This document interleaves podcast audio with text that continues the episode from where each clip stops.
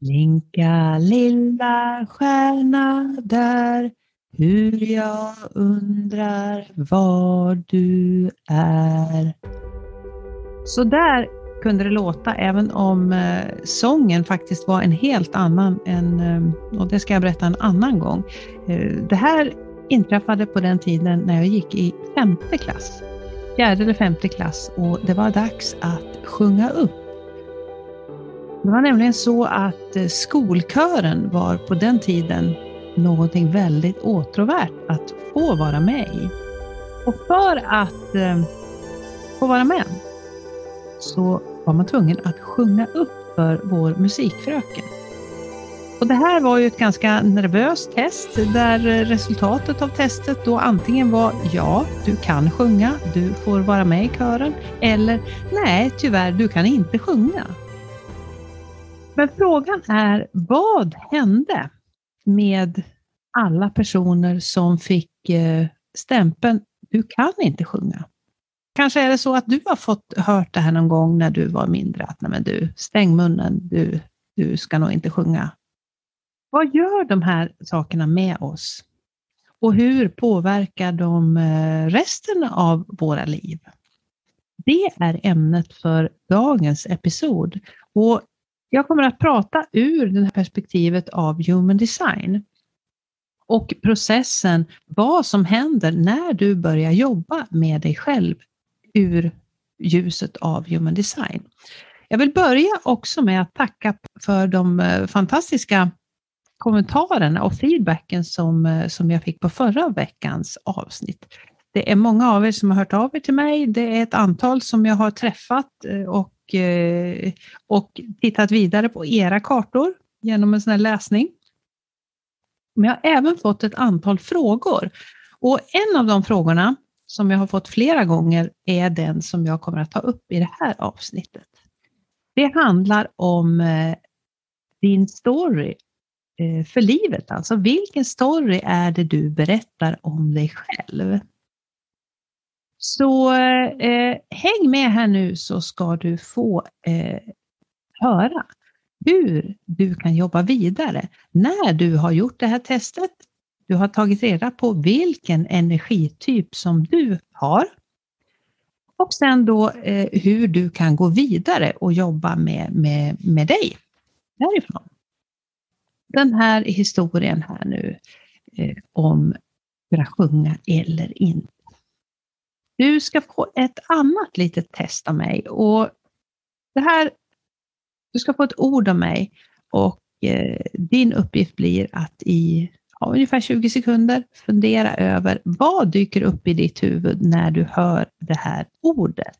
Har du papper och penna kan du roa dig med att skriva ner det som kommer upp till dig, vad du tänker på. Är du beredd? Ordet som du ska fundera på, det är kreativitet. Skriv ner eller bara fundera över vad är det som dyker upp hos dig när jag säger kreativitet.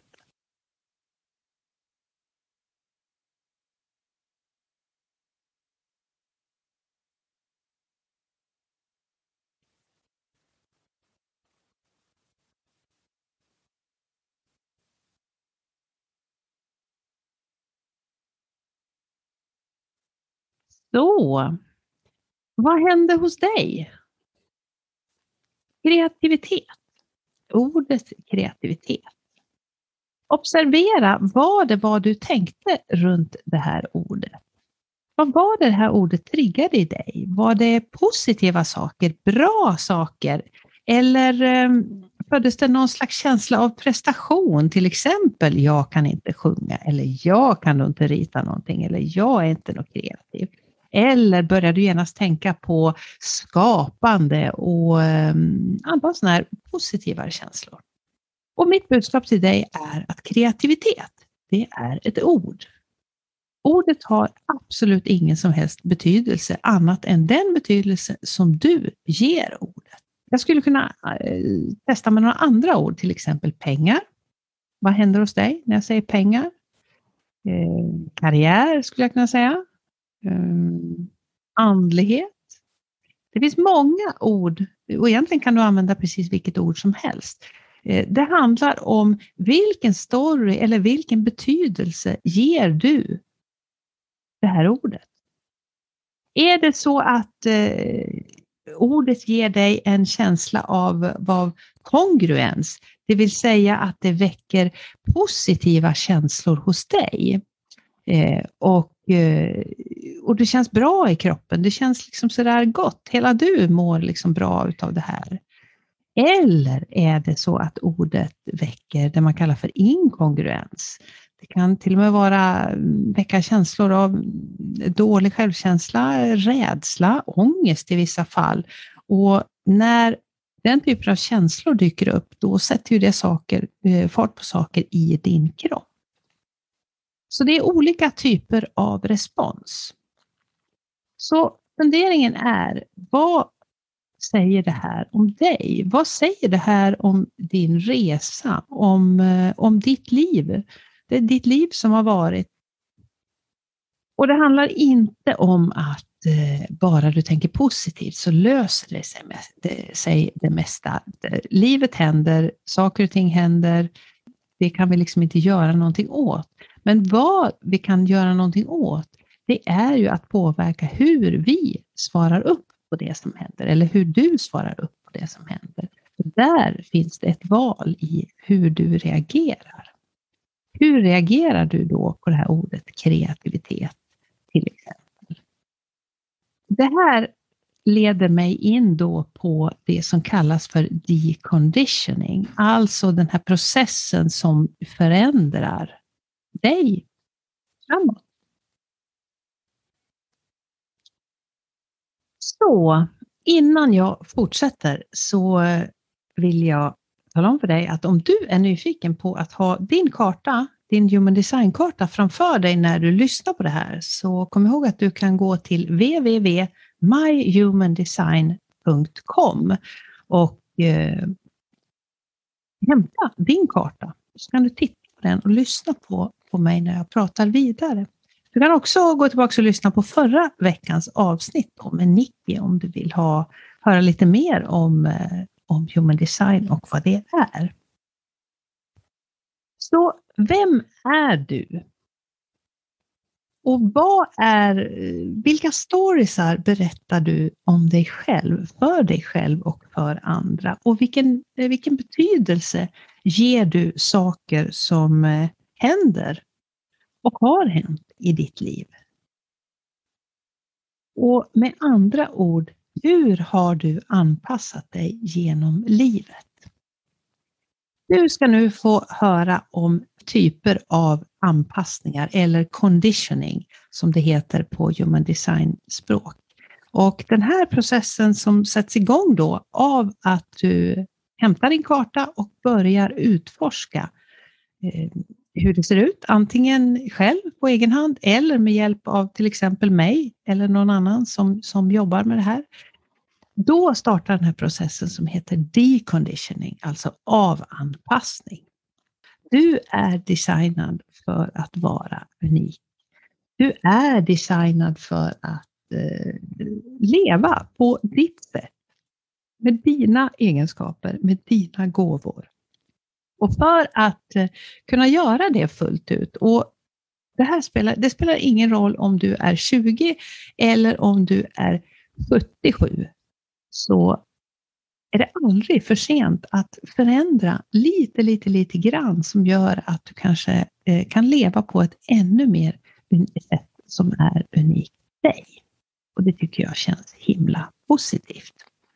Så kom ihåg, vi föds alla unika, vi föds alla kraftfulla. Men vad är det då som, eh, som liksom kickar oss av banan? Vad är det som liksom får oss att eh, ja, kliva av vår egen rutt? Ja, jag ska prata om några stycken eh, typer då av, av conditioning som, som, är, som är vanligare än andra. Och den första jag ska prata om, den rör då den här kartan, den här Human Design-kartan. För, för dig som har tittat på den här kartan så ser den här kartan ut som en, den ser ut som en gubbe och sen ser det ut ungefär som, som olika duttar på den här kartan. Börjar uppe vid huvudet och slutar alldeles nere vid, vid, vid bålen om man säger. Det här är ju som en halv, som en halv människa, den här kartan. Du kan titta också på den bild som ligger vid det här inlägget så kan du få se hur en sån här karta ser ut. De här olika centren som man kallar dem, alltså de, de nio pluttarna kan jag säga, de, som ligger på kartan, de eh, är ju också detsamma ungefär som i chakrasystemet då, för dig som har kommit i kontakt med chakrasystemet på andra annat håll då, eller inom yoga. Det, där pratar man ju ofta om, om chakrarna. Och när de här chakrarna är ofärgade, det vill säga då kallar man det för att de är öppna. Och ett öppet center betyder att du tar in andras energier. Och dessutom så förstärker du den här energin. Du, du suger alltså åt en massa saker. Det, och det kanske har varit med någon gång att du har träffat någon människa som du känner att de bara suger energi av dig. Det, det händer någonting. Det, du, du, känner av deras humör, du känner av deras känslor i övrigt, du känner av deras energier. Är de stressade så blir du stressad till exempel. Och det här handlar om att, om att när ett center är alltså öppet, ofärgat då på den här kartan, då tar vi in andras energier. Och där då centren är färgade, där så har du mer tillgång då till din specifika energi. Så genom att vi kan då känna in världen omkring oss i de här centrarna, då, de, här, de här områdena som är öppna på våran karta, så kan vi också börja att identifiera oss med de här andra energierna som vi känner. Till exempel om du känner en väldig stress. Det, kan ju vara så att du är runt, befinner dig runt då personer som är väldigt stressade och till slut så kanske du tror att ja, men det är nog jag som är stressad. Och så börjar du uppträda då som om du hade bråttom eller som om du vore stressad, trots att det här inte ens är din stress. Och det här är ju saker som, eh, som både du och jag gör omedvetet. Och det här då leder ju dig in på den här, eh, den här, den här anpassningen då. Och det här är ju ingenting som sker, det här är saker som sker under hela livet. Och som man kanske inte har tänkt på. Om du har kartan redo, eller om du tittar på bilden i inlägget, eller om du bara lyssnar på mig nu, så ska jag berätta om eh, de här nio energicentren och lite kort bara om vilka, eh, vilka typer av eh, anpassning som kan ske. Om vi börjar högst upp på huvudchakrat, alltså det som, heter, ja, det som ligger längst upp då på hjässan. Det centret, det handlar om eh, idéer, kreativitet, idéer och tankar. Och om du har det här alltså tomt, det vill säga att det är odefinierat som man då säger, då kan det dyka upp frågor som är andras, som du konstant försöker svara på. Alla andras frågor och funderingar och tankar och idéer, de trillar in hos dig. Och då försöker du svara på dem, trots att det inte är dina frågor. Så där kan man fundera över, eh, vems frågor är det som du försöker svara på hela tiden? Och är det så att du tillhör eh, den delen då av befolkningen som inte har, eller som har det här ifyllt och definierat, då kommer du säkert känna igen dig i att det snurrar väldigt, väldigt mycket tankar hos dig. Och det gör det. Det gör det konstant och det är inte så mycket, det är liksom inte så mycket besvär med det, utan det är mest ett eh, du delar gärna ofta med dig av dina tankar till andra, för de kommer liksom att suga upp de här så att eh, man kan väl säga det som att det är, det är du som sänder och du då som har det här oifyllt tar emot. Liksom. Så det är en typisk sån här anpassning då, att ständigt fundera över vems frågor är det som jag försöker att svara på. Och går vi neråt då till nästa center som heter Aina-centret, alltså som också är detsamma som tredje ögat. Det här centret processar alla idéer, det vill säga tar hand om och försöker lösa alla de här formuleringarna, frågeställningarna. Om du har det här oifyllt, då har du faktiskt en gåva där. Din gåva är att du kan se andra människors perspektiv. Och det är ju en helt fantastisk gåva. Eh, men du kan också överväldigas av det här. Om det är så att du eh, konstant försöker processa alla andras frågeställningar och idéer. Då kan det vara så att du överväldigas och känner dig lite lätt osäker i, den här, i det här flödet. Och är det så då att du har det här definierat, då kan eh, du kanske upplevas som bitvis lite fixerad eller envis, lite enkelspårig. Så skulle det kunna vara. Vi går vidare till halscentret då. Och halscentret det har ju med vår röst att göra. Det handlar om, alltså om att göra sig hörd. Och där eh, skulle det kunna vara så om du har det här odefinierat då att du kämpar för, eh, kämpar för att höras helt enkelt. Mm, kämpar för att, för att människor ska höra dig. Och det kan vara en sån sak som att eh, om du kämpar för att vara hörd, men det är ingen som lyssnar på dig, då kanske du slutar att prata. Eller så pratar du väldigt, väldigt, väldigt högt för att om du bara skriker tillräckligt mycket så kanske någon hör dig. Så det är exempel på, på hur, hur du kan anpassa dig när du har halscentret odefinierat. Sen går vi ner till nästa center då som är identitetscentret eller G-centret som det heter då inom Human Design. Där handlar det om, alltså om kärlek och identitet. Du som då har det här oifyllt, det vill säga tomt, det betyder inte att det är tomt, det betyder inte att du inte har, har, har någon möjlighet att känna kärlek eller att du inte har någon identitet. Det betyder att du kan ifrågasätta om det är så att du verkligen är värd att älskas. Och speciellt om du är värd att älskas för den som du är. Mm gå vidare till det lilla centret som sitter snett till höger om det här identitetscentret. Det heter alltså Will Center och det har med eh, motivation och att eh, bevisa sitt värde att göra. De flesta av oss har faktiskt det här oifyllt. Och du kan fundera över om eh, det är viktigt för dig att, att bevisa att, att bevisa ditt värde.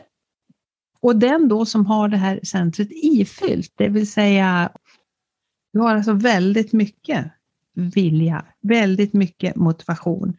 Människor kan faktiskt uppfatta dig som lite ego, lite, lite ego, egoistisk. Och grejen är den att eh, du ska vara egoistisk, för du har som uppgift att, eh, att berätta om saker utifrån ditt perspektiv. Det kan ju komma att vara bra att eh, komma ihåg.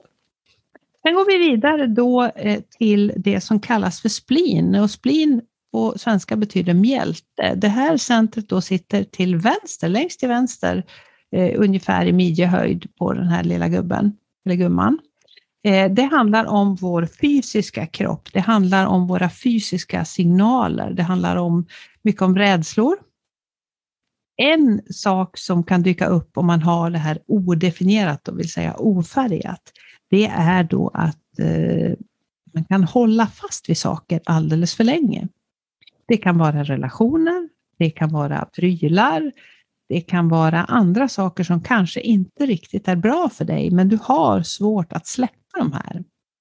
Vi går över på mitten och där har vi då det här sakrala centret och det här sakrala centret det är det centret som laddar dig full av energi. Och det är inte alla som har det här ifyllt. Det beror alltså på vilken energityp du är. Och för oss då, jag tillhör den gruppen som inte har det här ifyllt, då finns risken att eh, vi kör för hårt. Efter, när vi inte har energi.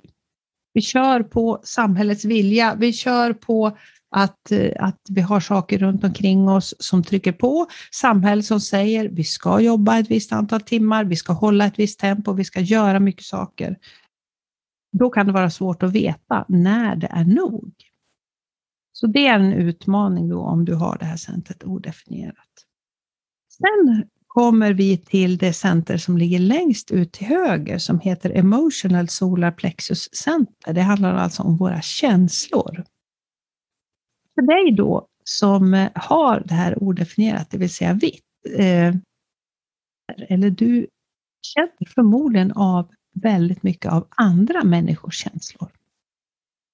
Och Det kan ju vara intressant att fundera över när du känner en massa känslor. Det är ju inte så att du inte har känslor för att det här centret är vitt, utan du påverkas väldigt mycket av andra människors känslor, vilket betyder att det kan vara svårt att eh, definiera, om du inte ens har tänkt på det kanske, vem, vems känslor är det jag känner? Du tar alltså in mycket av andra människors känslor. Du kan vara bra på att känna om, om någon är ledsen, om det finns någon konstig stämning i rummet eller om folk är det kan vara både plus och minus. Det kan vara både att, att folk är väldigt positiva, väldigt engagerade eller att de är väldigt låga. Du kommer att känna andra människors känslor. Då kan det ju vara bra att lära sig där. Vad är mina känslor? Vad är andras människor? Och hur kan jag stänga av när jag behöver det? Och till sist då, den här snabba genomgången handlar om det här rotcentret. Här handlar det om eh, adrenalin, det handlar om, om eh, att vara en motor, att få saker färdiga, att, att, eh, att få dem färdiga, att få dem, få dem klara. Du som inte har det här, det här definierat kan ständigt tycka att jag måste få det här klart. Jag måste få, få det här färdigt så att jag kan, så att jag liksom kan få vila eller så att jag liksom, bara jag får det här klart så, så kommer det att bli bra. Och det här är ofta en myt, för att det handlar mer om ett beteende. Det kommer inte att bli bättre bara för att du blir klart med det här. Eller så är det så att du aldrig blir klar med det du håller på med, utan du kämpar ständigt mot, mot de här deadlinesen. Ja, det här var de nio centren och exempel på hur vi anpassar oss och hur vi, vi tar in saker ifrån andra. Det här är ju ett sätt som, som livet påverkar både dig och mig, sett ur eh, perspektivet human design. Sätt nummer två som eh, vi anpassar oss till livet, det är ju genom det som kallas för prägling eller eh, kanske ska vi säga miljö. Din uppväxt, vad har du för, haft för personer runt omkring dig? Och här behöver vi ju inte vara släkt för att präglas eh, av varandra, utan hur, hur hade du det där hemma? Hur har du haft det under din uppväxt? Eh, vem lever du tillsammans med och vem har du levt tillsammans med? Alla de här personerna olika, av olika sätt, de har ju påverkat dig. Det skulle ju också kunna vara att, eh, att du är av en profil, jag som då är av den här profilen som kallas för projektor. Eh, men jag har levt med väldigt, väldigt många som då heter generatorer som har betydligt mer motor och betydligt mer energi än vad jag har haft. Men jag har alltid försökt hålla det här tempot och det har jag varit ganska bra på. Men det har sugit mycket energi av mig. Så det här är ju ett sätt som jag har anpassat mig till ett annat sätt att leva. Bara för att jag inte haft en aning om, om det här. Jag har nog antingen känt mig lite lätt lat eller kanske att jag har varit lite dålig på att liksom hålla ut sen då? Ja, sen så kommer en liten spännande sak, för eh, inom human design så upptäcker man att eh, vi ärver, alltså rent, rent arvsmässigt alltså, design ifrån våra morföräldrar, mor och farföräldrar.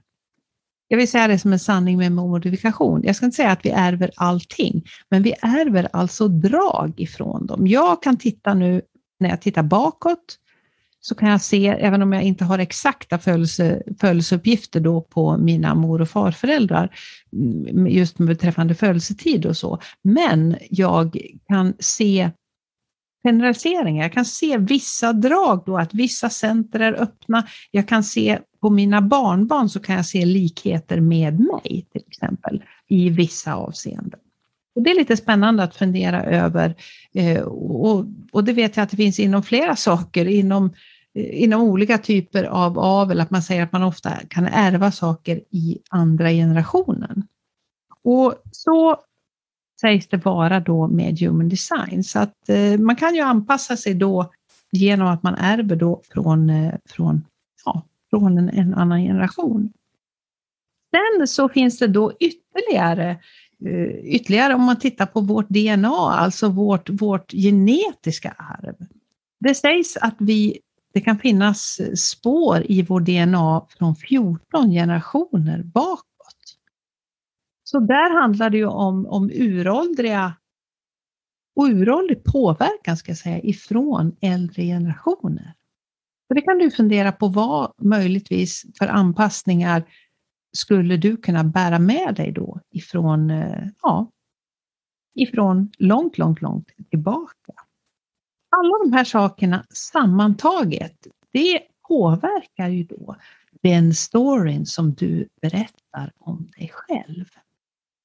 Och jag tycker att det här är ett jättespännande område att utforska, att eh, ta ett steg och fundera över hur påverkar det här mitt sätt att leva? Och vad ska jag göra framåt då? Ett bra tips det är ju då att börja att utforska, läsa lite grann om det här och att fundera över hur, eh, hur, hur gör jag? Vad tänker jag? Vem är jag? Eh, vad har jag fått med mig? Och framför allt, vad är det som begränsar mig? Och det här kan man göra på egen hand. Eh, man kan också ta hjälp av mig. Det är ju några som har gjort det sedan förra veckan och det finns alltså möjlighet för dig som lyssnar att boka in en sån här läsning med mig. Jag har eh, konstant tider men fram till och med den sista oktober kan du boka en sån här läsning till ett specialpris då kostar alltså 1250 kronor inklusive moms och det gäller då bokningar som är gjorda till och med den sista oktober. Så om du lyssnar på det här och blir nyfiken på att, att utforska det här och att få lite tips och råd hur just, eh, hur just du ska avanpassa dig framåt och eh, för att kunna leva då, ditt sätt att leva då och förstå att eh, du är helt unik. Men avslutningsvis så skulle jag vilja ge dig några konkreta korta tips. När du nu har tagit reda på vad din designtyp är, alltså din energityp. Om du är generator, det vill säga den, den, den som har drivet, den som, som driver på. Då är mitt råd till dig att stanna upp.